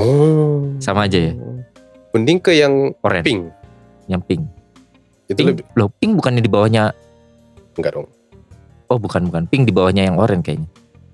Enggak, mereka udah berdiri sendiri kan. Oh iya. Oh. Atau yang eh, ini pendatang baru Ya itu pink. Itu kan pink. itu pink, bukannya Iya. merah ya? Hmm, ya hampir merah. Ah. The whole group merah, tapi yang mobile-nya itu pink. Oh iya iya iya benar Iya, benar benar so- benar, so- benar. so- iya iya yang- iya. Oh yang Ya, itu lebih multinasional kan. oh, yang emailnya ada bahasa Inggris sama bahasa Jepang. Iya. Itu kan Sacho untuk mobile-nya itu kan orang asing. Oh iya. Eh, Oh itu lagi hot-hotnya tuh Iya. tempat itu. Semua orang pada pengen ke sana gitu. Apalagi Iya gak sih? Kalau saya nggak tahu. Yang ku tahu mereka lagi butuh banyak orang. Karena lagi ekspansi Atau beda ya? R kan? R iya. Iya iya. Iya, orang-orang pada apalagi gaijin pengen banget ke sana gitu. Iyalah karena, karena orang bahasa Inggris. bahasa Inggris kan. Makanya pengen ke situ. Kalau mau pindah pun ke situ aja. Karena ngomong bahasa Jepang tiap hari itu melelahkan. Apalagi bahasa Jepang yang formal ya. sampai seki- eh, sampai sekarang tuh masih mikir. Masih dong. Berarti belum belum belum di native juga ya? Atau Nggak sa- akan bisa lah. atau nggak akan bisa ya? Nggak akan bisa. Karena berpikir tetap Indonesia. Hmm. Indonesia. Nah, Iya. Bakal ada perpindah. Tapi nggak tahu sih sekarang ya. Kita aja ngomong barusan. Berapa kali aku cuma bisa ngomong bahasa Jepangnya aja. nggak bisa bahasa Indonesianya. Ada Nah, beberapa itu kan kata. kosakata doang kan ya. Iya. Gak tahu sekarang ya, mungkin udah setengah-setengah mungkin. Tapi capek loh. Shhh. Karena mungkin karena ada lapisannya juga sih. Apa tuh artinya lapisan tuh? Eh, di bahasa Jepang tuh ada lapisannya gitu loh. Jadi kalau ngomong sama ini harus begini, ngomong sama ini tuh harus begitu. Jadi eh hal yang hal yang apa ya? Hal-hal yang perlu diproses tuh lebih banyak daripada kita ngomong pakai bahasa Indonesia. Betul, layer Layer ba- bahasanya kan iya. layer bayarnya. Ngomong capek, lebih capek lagi nulis email. Apalagi kerjaanku sekarang ada beberapa proyek yang harus ngirim email ke pemerintah setempat. Aduh. Terus ada juga beberapa kerjaan yang harus ngemail ke ini vendor pihak ketiga. Hmm. Yang jelas ada persewaan Nina teori Mas ada. Iya. banyak itu sasiti tidak kimasnya itu banyak itu. Aduh. Bi- bingung kan? Kita yang pengen tapi harus sasiti tidak kimas sasiti. Ah, apa sih ini gitu. Itasimasnya.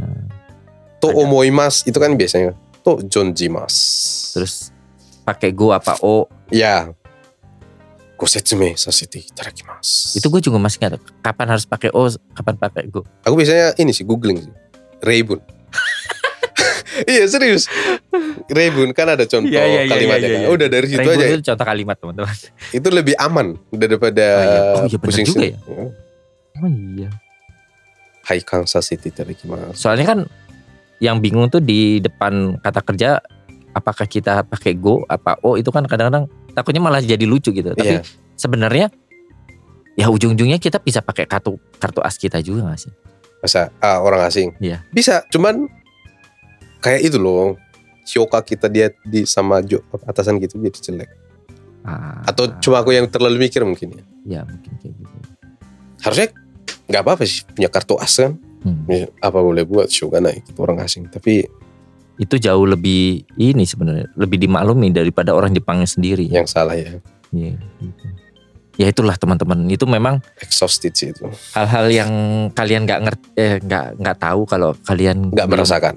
belum merasakan dan tinggal di Jepang. Iya.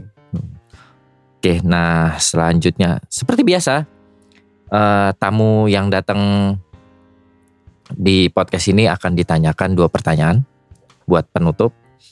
Pertanyaan pertama, eh, enak dan gak enaknya tinggal di Jepang atau kehidupan di Jepang. Enak karena semuanya teratur, bersih, Hmm. tidak ada orang aneh dan aman. Hmm. Tidak ada pembegal, tidak ada em, tidak ada yang bikin stres kayak di Indonesia yang maksudnya jalan sembraut segala macam. hal-hal remehnya Sedikit sedikit ya. ya, Hmm. semua teratur. gitu. Nggak enaknya harus bisa bahasa Jepang.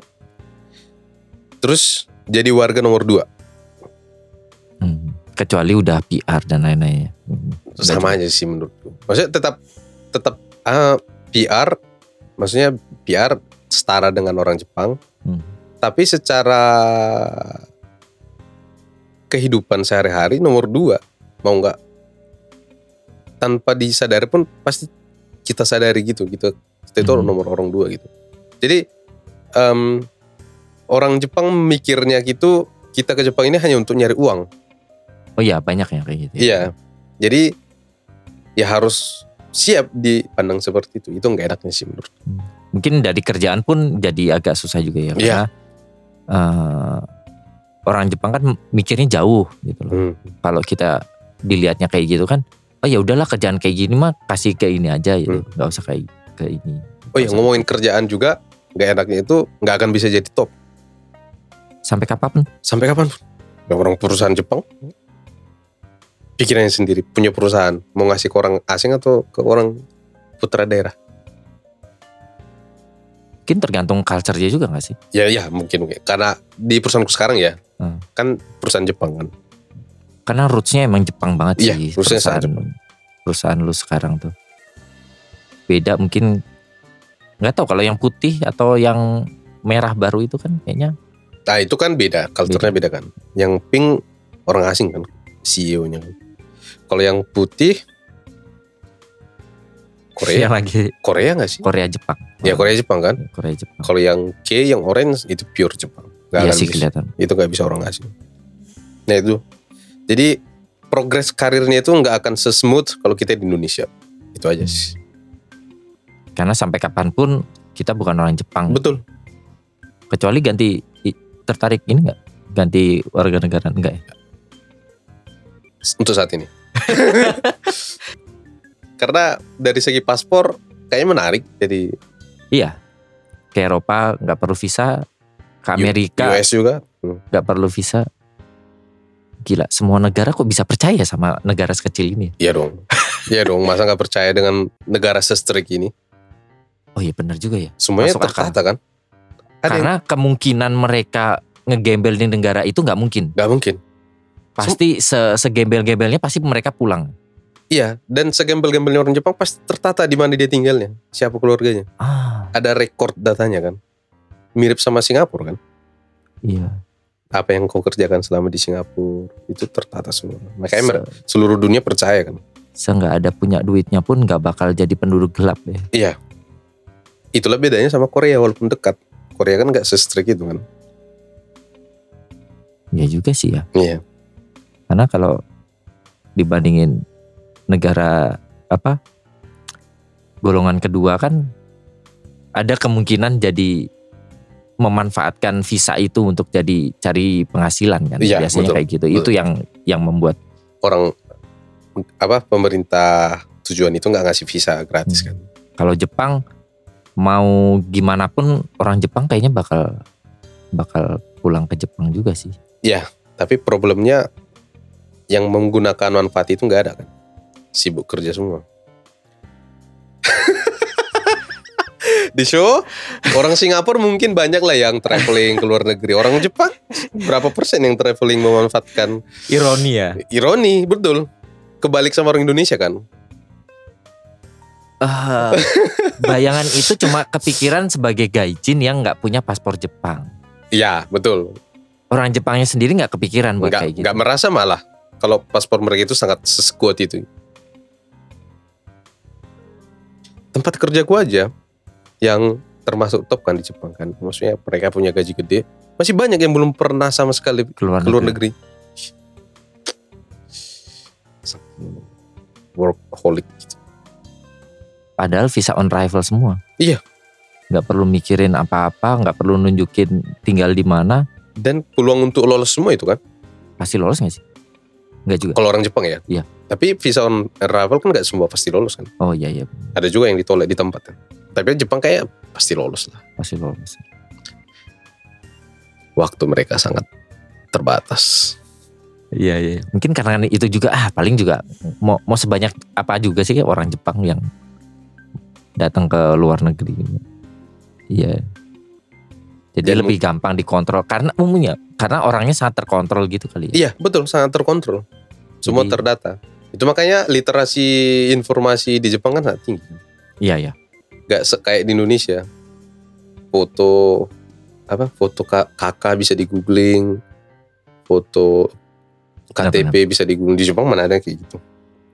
Sangat strict mereka menjaga informasi mereka. Karena semua di record kan. Kita eh apa sih namanya kalau kalau cash kan nggak nggak ketrek ya. Ya, Biasanya yang baito baito ditransfer itu kalau melebihi dari ininya biasanya di ditelepon sih. betul, betul, betul. Pasti pasti ketahuan. Sampai segitunya bisa terlacak di Jepang. Apalagi ada my number. bener.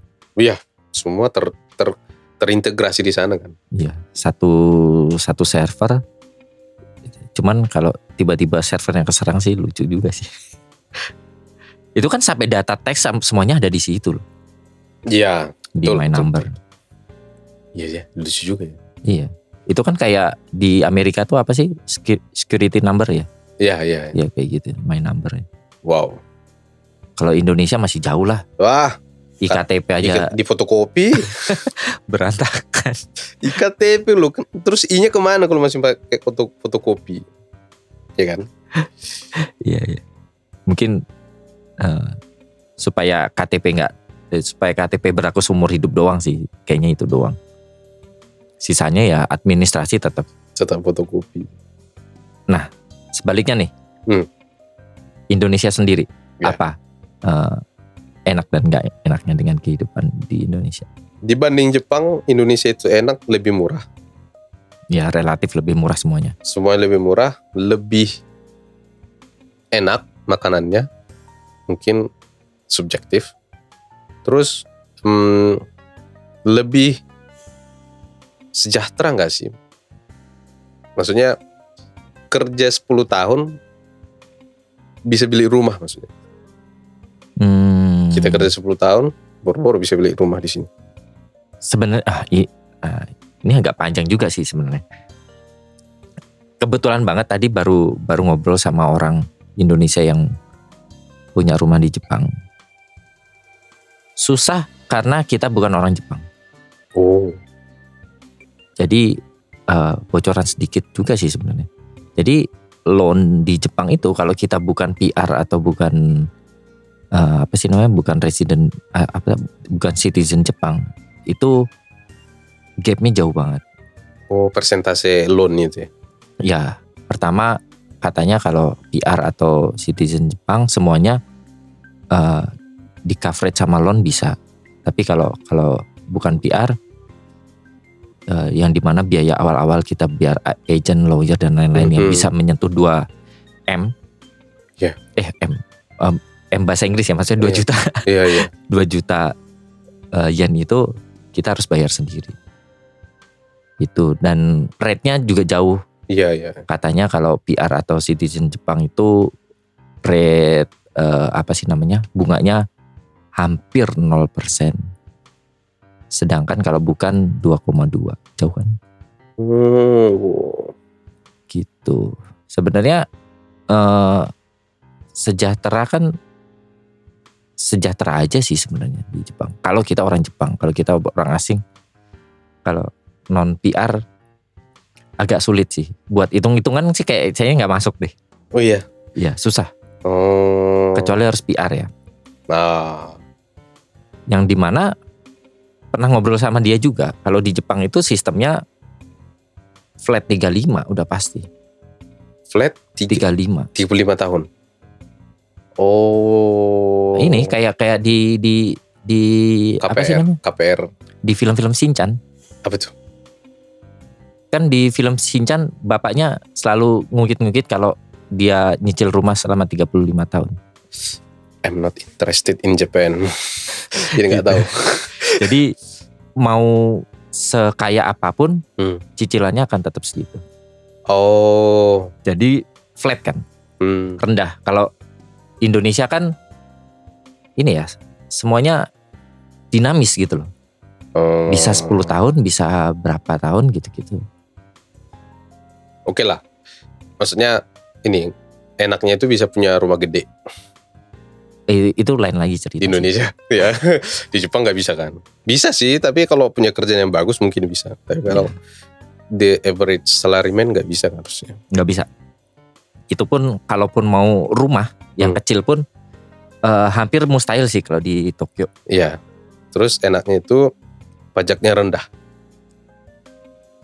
Pajak rendah tapi apakah Oh iya. Oh ini sih memang yang membedakan kita sedikit bisa menentukan nafsi, nasib kita sendiri di Indonesia. Betul. Karena nggak semua di record kan. Ya, dan semua memang sistem ya ini kan satu paket lah ya. Hmm. Sesuatu yang memang sudah sudah jelas sistemnya itu Hmm. akan me- me- Mengekang, mengekang, mengekang. Iya. Kalau di Indonesia fleksibel. fleksibel tapi ya emang agak-agak kacau lah agak Iya. agak kayak hutan tapi semua itu balik ke kita semua gitu Betul, pilihan. betul. kalau di Indonesia kayak gitu. Betul. lebih bebas ya memang gue lama-lama mikir kalau Indo- eh, Jepang itu cukup sosialis gitu mikirannya. Apa tuh artinya tuh? ya ini semuanya eh, ada apa kepentingan kepentingan eh, apa sih namanya ya? sosialis itu sangat sosial gitu loh kayak keadilan sosial bagi seluruh rakyat Ah, Jepang gitu loh. semuanya eh, adil gitu loh Iya, iya, iya. cuman ininya apa sih namanya dibayarnya itu ya kehidupan monoton Iya, hmm, hmm, hmm. eh, terus nggak ada orang yang sangat menonjol gitu Iya. Raffi Ahmad tuh nggak ada gitu Betul. Raffi Ahmad Raffi Ahmad tuh nggak ada Hmm. jadi eh, itu terus relatif gapnya relatif nggak jauh Iya, da- iya. dari atas sampai ke bawah gitu kita segembel-gembelnya juga Baito pun tetap masih bisa hidup enak di Iya, Jepang iya. masih bisa Ya, ya, itu. gini ku. ya masih bisa yang kayak gitu ya cuman terkekang aja sih di Jepang Betul. Nah, Itu enaknya di Indonesia lebih berwarna lah. Lebih berwarna. Gak enaknya, saking berwarnanya gak teratur. iya kan? Ya itu kembali lagi pilihan iya, juga sih, iya, Boy. pilihan kita. Jadi tergantung ki- gimana kita melihatnya kan. Iya. Iya. Hmm. Terus em, nggak teratur, jorok. Ya, Maksudnya pernah nggak sih ke taman ada tempat sampah, tapi sampahnya di luar kotak sampah, ya. alias di- dilempar, nggak masuk tapi nggak dimasukin. Gitu. Ya nggak usah lihat sih itu juga sih di di apa orang buang sampah sembarangan dari jendela mobil aja masih banyak. Mungkin lu melihat itu sesuatu yang mengganggu ketika udah tinggal di Jepang. Betul. sih. Sebelum gue Jepang itu semua melakukan, ya udah mungkin itu normal lagi. Hmm. Mikirnya gitu kan. Setelah ke Jepang, wow, tertinggal jauh. Gitu. Itu. Susah juga sih. Sekarang orang mikir gitu, kenapa sih eh, di Bantar Gebang Hmm, itu kan apa sih PTA ya PTA PTA Gab- Bantar Gebang itu, itu kan semua semua sampah yang ter yang ada di Jakarta kan dibawa ke sana semua tuh Hmm. itu kan udah kayak gunung ya Ya, itu kenapa nggak bisa diantisipasi ya karena semuanya tercampur eh, mau gimana mau gimana me- mengolah sampah yang semuanya tercampur tuh mau gimana ceritanya hmm, hmm. itu susahnya bedanya kok Jepang pernah kepikiran gak sih sampah di Jepang tuh larinya kemana pernah. Cuma tapi penasaran doang sih. Aku merasa semuanya pasti di- dibakar juga ujung-ujung semua. Iya, ujung-ujungnya dibakar. Kecuali yang elektronik dan lain-lain Iya, iya, gitu iya. loh. Ah, pet battle gitu-gitu. Tapi ujungnya eh, tiap ku apa sih ku tuh? Kota. Iya, di tiap tiap distrik Iya. kotanya di Tokyo itu punya punya inisiat masing-masing. Ah. Kalau di Ikebukuro itu tuh. Kalau pernah lihat di Ikebukuro kan ada tuh kayak tower putih panjang Oh itu. terus ada bolongan kecil. Oh aku belum sempat kepikiran sih kalau ternyata tiap ku itu punya masing-masing ya. Kalau nggak salah ya. Oh. Jadi dibakarnya di bawah situ. Nah kalau di Ikebukuro itu hasil pembakarannya eh, bisa jadi ini apa listrik. listrik. Oh. Listrik.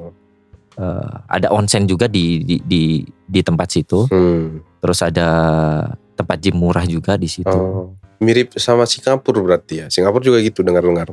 Iya. Dibakar terus dikonvert jadi listrik. Kayak gitu. Hmm. Ya gimana mau mau taruh di PTA mana di Jepang lahannya kecil juga. Karena dibagi-bagi tiap ku akhirnya nggak senumpuk yang di Bantar Gebang gitu kan maksudnya kan. kalau di Bantar Gebang itu kompleks sih sebenarnya. Di orang kan mungkin ya, ya nggak tahu lah. Ini kan SJW SJW gitu kayak SJW Iya, iya. plastik misalkan gitu. SJW plastik kan kita ber- eh, mereka berpikir di Jepang itu kok banyak plastik gitu loh. Hmm, hmm, hmm. Pernah lihat gak Iya, iya. makanan Hmm. di dalam plastik Ada plastik ada kecil yang plastiknya lagi, bening itu. Hmm. belum Reji Bukuro lagi Hmm. kan banyak gitu. Tapi mereka pernah berpikir nggak kalau dibandingin mikirin plastik, mending kita mikirin sistem bagaimana mengolah sampah. Hmm. Karena ketika semua sampah jadi satu, nggak eh, kalau kita ngomongin Jepang kan beda. Jepang itu kan udah terpisah gitu loh Iya, sampahnya. iya.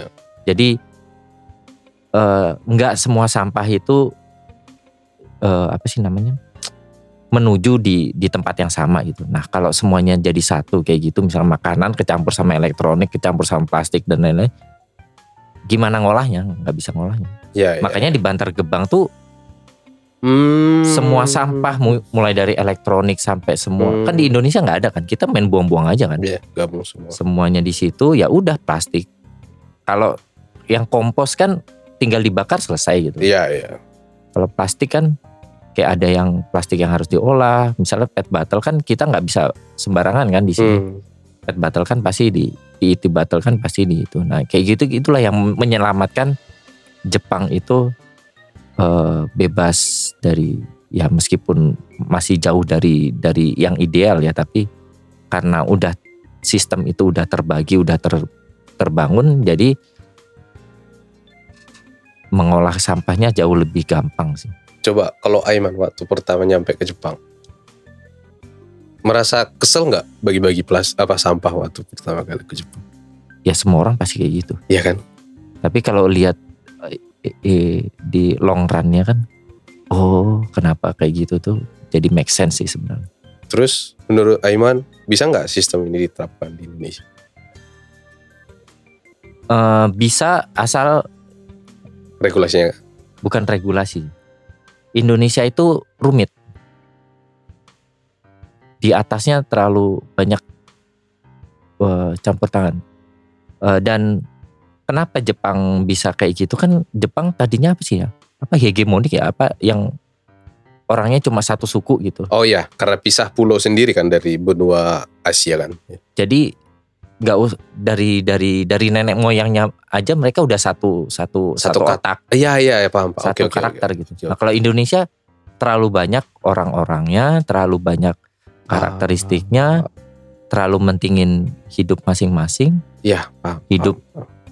Eh, katanya doang gotong royong tapi nggak gotong royong Iya iya. ujung-ujungnya semua menyelamatkan diri masing-masing kayak gitu Terlalu rumit. Jadi Jadi mau regulasinya dikencengin sekalipun bakal banyak penolakan dan untuk menembuskan regulasi itu tuh kan banyak banyak layer yang harus ditembus gitu loh. Iya, Betul betul. betul. Kan Hmm, kalau make sense, eh, make sense. kalau yang buat buat peraturan kan DPR. Iya. Di DPR-nya aja belum tentu tembus. Kalaupun udah eh, hukumnya udah regulasinya udah selesai, eksekutifnya mau ngejalanin atau enggak tuh kan perusahaan perusahaan Hmm, lain hmm. kan. Jadi buat regulasinya gampang. Menembuskannya susah. Paham paham paham. Terlalu banyak orang-orang kecuali dibunuh dulu satu generasi. Iya, Dilenyapkan dulu ya. Iya. Iya sih, make sense sih. Karena Jepang gimana ya? Mereka terlalu mereka gampang diatur sih kalau aku lihat. ya. Gampang banget diatur. karena satu pikiran em, bisa dibilang satu pikiran ya. mirip sama Singapura berarti ya Iya. kecil bisa dibilang A udah A semua oke make sense Indonesia uh Gimana cerita? satu provinsi aja banyak sukunya untuk me- menembuskan regulasi itu aja udah orang yang mengeluarkan idenya tuh udah lari duluan sebelum itu tuh bisa terrealisasikan. paling ini masih ngomongin regulasi loh Hmm. belum aplikasi Iya, belum belum belum pada mempraktekkan pada level eksekutifnya. maksudnya m- mengaplikasikannya kan orang Oh, beda lagi Wah. buat orang-orang gitu. buang sampah pada tempatnya aja simpel itu aja nggak bisa Susah. clear lagi bagi-bagi Ujung-ujungnya ya apa ya? Ya kalau di Indonesia individu banget sih ujungnya. Jadi Hmm. semua balikin individu udah masing-masing jadi ya di luar kontrol kita mah ya udahlah beda lah sama Jepang Jepang itu udah terlalu terlalu teratur jadi gampang banget ngaturnya Hmm, sebenarnya ada yang bergrup dengan otomatis kalau di Indonesia. Oh iya. Kalau ngomongin agama, itu langsung semua satu grup tuh oh iya ngomongin hal yang sama gitu. oh iya kenapa nggak mi- memanfaatkan itu juga ya Kalau nggak ngomongin suku, satu suku pasti semua ngomongin itu semua. harus ada yang mengkoordinasi itu sih Makanya kalau mem- menyatukan semua susah. Karena dari agama dan suku berbeda masing-masing kan. harus eh, ini berarti tiap tiap pemimpin suku dan agama itu harus merelakan dulu Atau karena, mereka, se- karena semuanya ada di tangan mereka jadi kalau mereka bilang A, semuanya ngikut kan iya ikut, betul, betul, secara membabi buta kan betul, sebenarnya betul, betul. sayangnya Dan itu sudah terjadi sampai sekarang kan. wow berkali-kali berkali-kali. Baik itu benar atau enggak ya yang disampaikan oleh si pemuka agama. Hmm. ya nggak nggak nggak cuma pemuka apa, pem- apa kepala suku, Suku, ya betul. eh, Mungkin misalkan itu yang, salah satu alternatif mungkin ya. mungkin yang yang masalah sampit gitu kan itu kan karena udah yang atasnya udah ngomong ah udah meng, apa sih namanya itu yang ah, adalah namanya yang udah ngeluarin itu tuh art- artinya Provokator. eh, bukan provokator.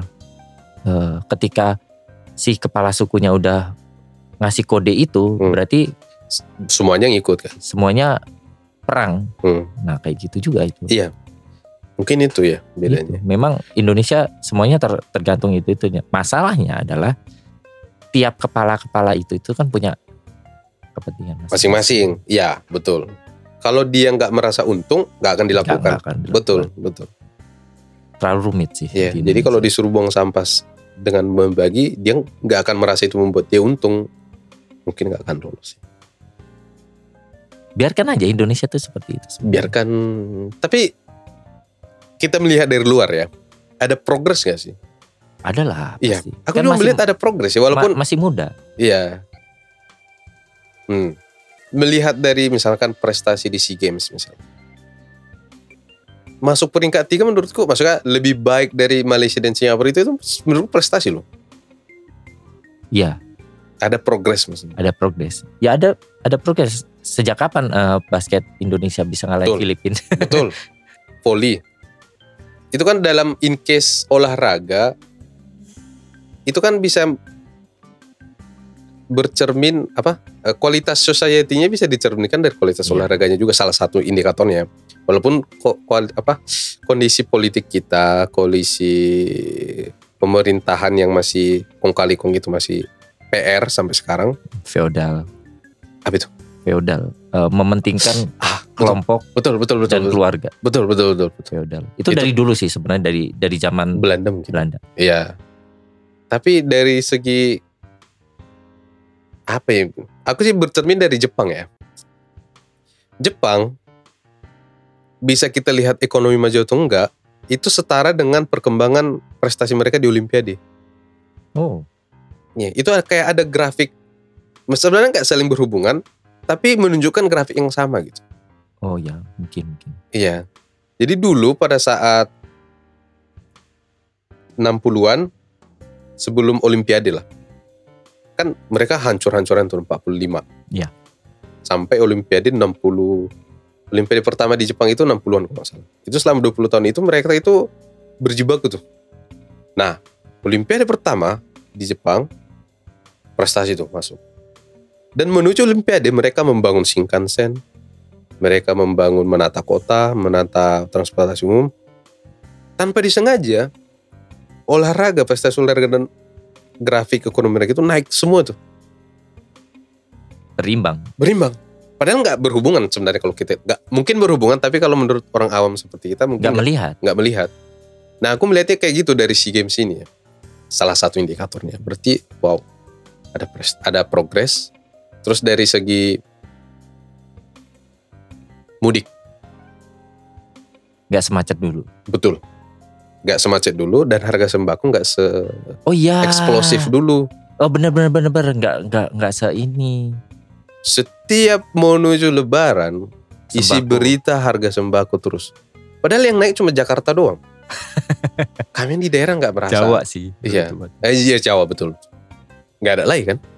Gak ada lagi yang meninggal di karena apa macet di mudik yang berjam-jam. Gak ada lagi meninggal kan? Semuanya lancar. Wow. Menurut gue sih ada Eh, progres. suka atau enggak? Kayaknya IKN itu game changer sih. Aku Ah, itu nggak tahu dah.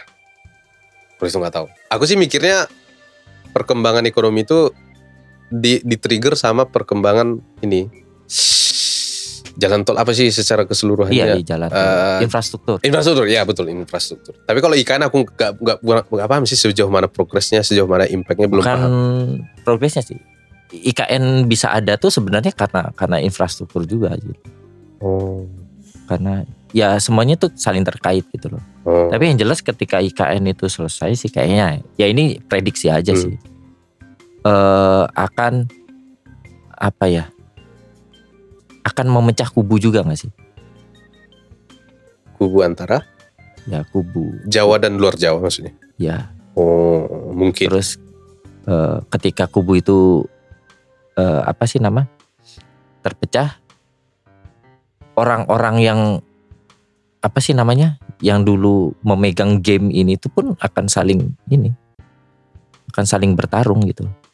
Oke, paham, paham, paham, paham. Yang yang di atas Jadi atas udah nggak itu nggak sentris di sini. betul gitu. betul Jadi betul. Paham, paham. peluang dari dari Hmm. daerah lain itu akan Ya, ya. akan muncul juga gitu. Jadi nggak nggak nggak bakal orang itu itu lagi gitu kayaknya. Iya, iya, iya, iya.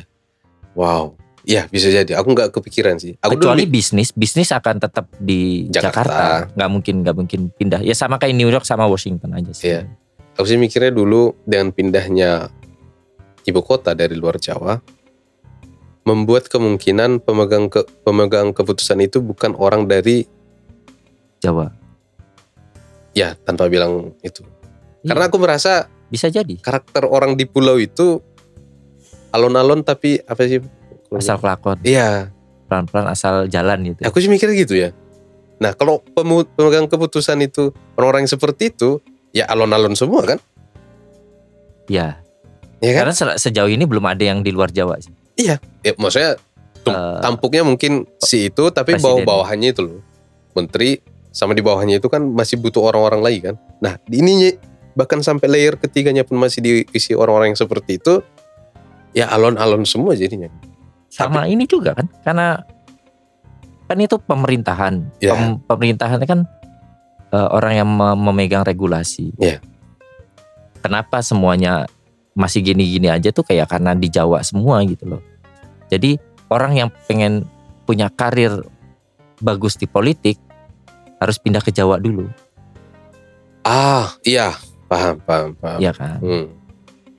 ketika itu pindah Ya. berarti orang yang di daerah situ tuh punya chance yang Peluang lebih lagi. ya? besar untuk masuk politik juga gitu loh. Jadi eh, ya kayaknya akan akan menjadi negara baru sih ketika IKN beneran ya kalau beneran ya Kak. nggak tahu Iya. kalau- tapi kan udah dibangun kan oh iya juga ya. masih terrealisasi cuman ak- akan akan beneran jadi Iya. sistemnya beneran ke sana atau enggak kan itu pertanyaan juga itu. tapi, kalau, jujurnya aku nggak nggak paham sih gimana karakter orang di Borneo sana eh, progresif kah atau kual- ku- ku- apa suka berkoalisi kah atau bakal selo-selo juga gitu? nggak tahu sih Eh, orang Dayak sih cukup cukup dinamis orangnya. Eh, Hmm. Tapi yang pasti harusnya lebih cepat daripada yang yang sekarang kan. Harusnya ya. Cara mungkin kerja. lebih bukan kesananya sih. Oh, Dinamikanya akan berubah aja pokoknya.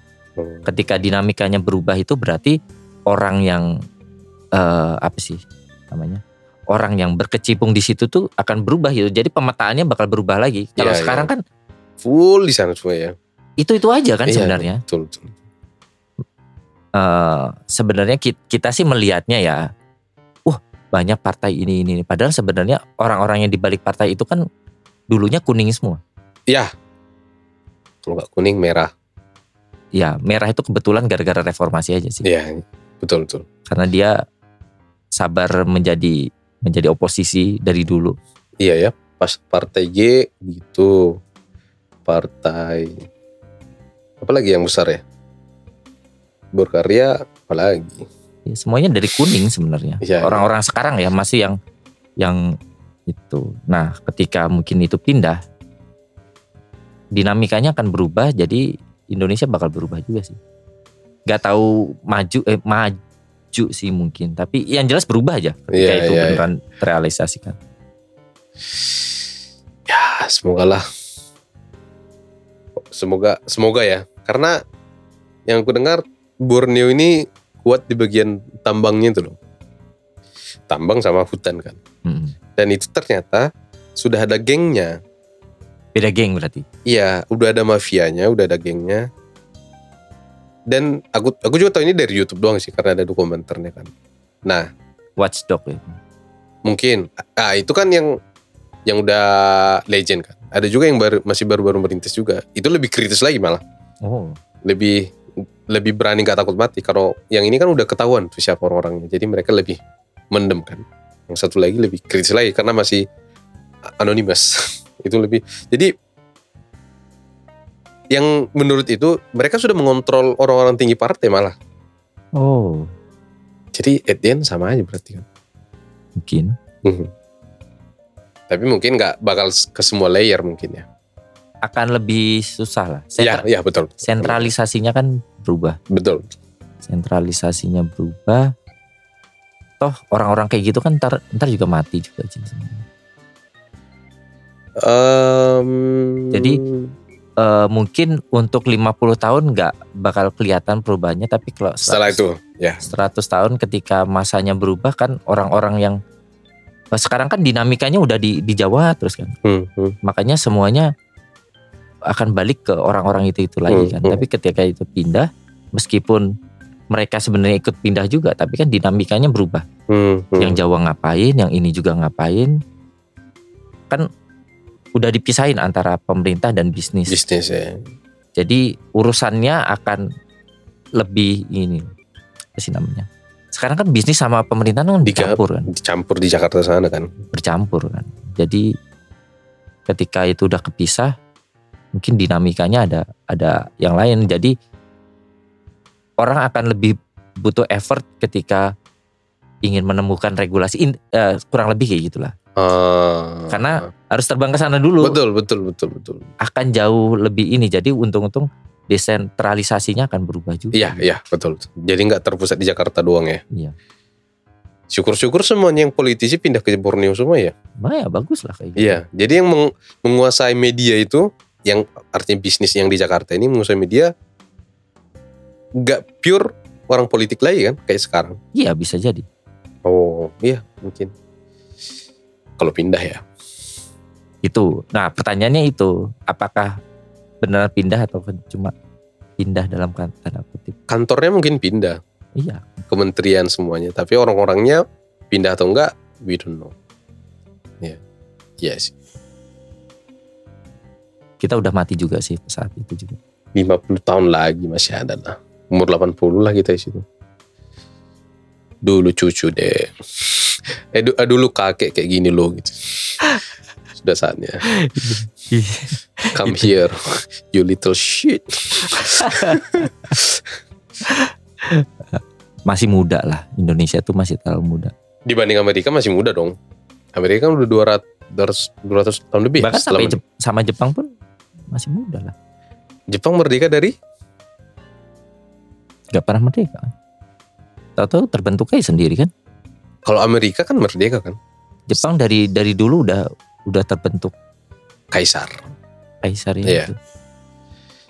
Ma- Amerika 200 tahun cuma lebih. pindah kalau dari nggak Kyoto ke ini doang apa intinya dulu ada ada peng, ah, ada kaisar di atas kaisar salah. Hmm, hmm.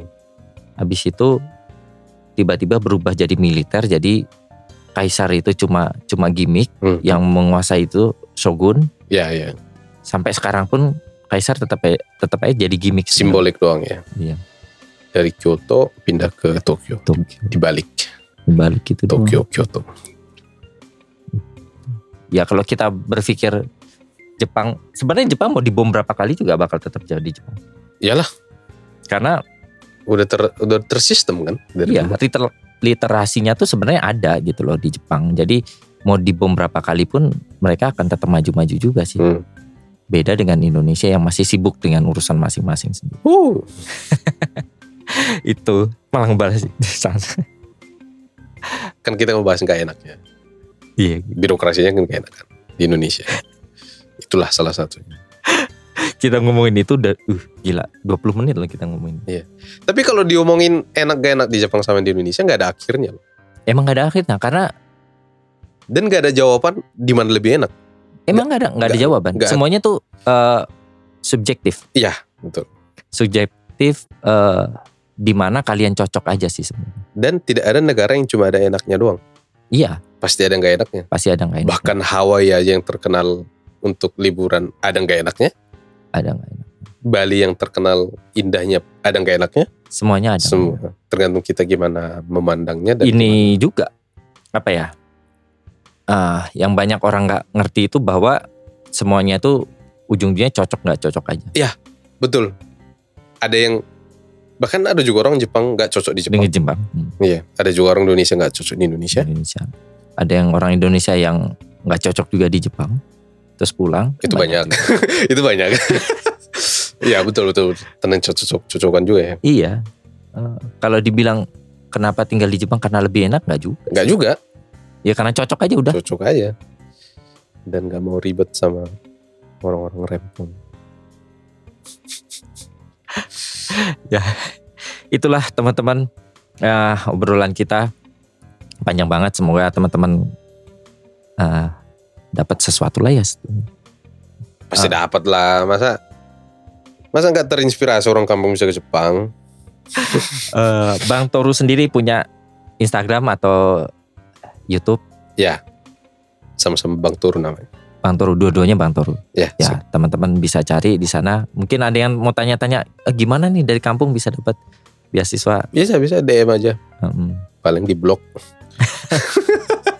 Tapi yang jelas ya teman-teman dari semu- seluruh teman-teman yang eh, yang datang di podcast ini yang anak beasiswa patternnya sama sih semua. Ma, iya mirip semua.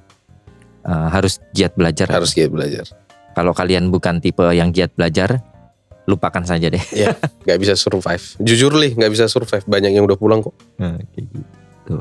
Dan jangan lupa teman-teman eh, follow juga Instagram Night in Tokyo di @night.in.tokyo. Di sana ada eh, hal-hal yang berhubungan dengan Jepang juga, informasi dan tentunya tentang podcast ini juga dan ten- dan teman-teman juga bisa kunjungi langsung di website www.nightintokyo.com. Di sana ada blog yang gua tulis, ada eh, foto jalan-jalan juga dan tentunya semua podcast bisa teman-teman dengarkan di semuanya ada di website www.nightintokyo.com.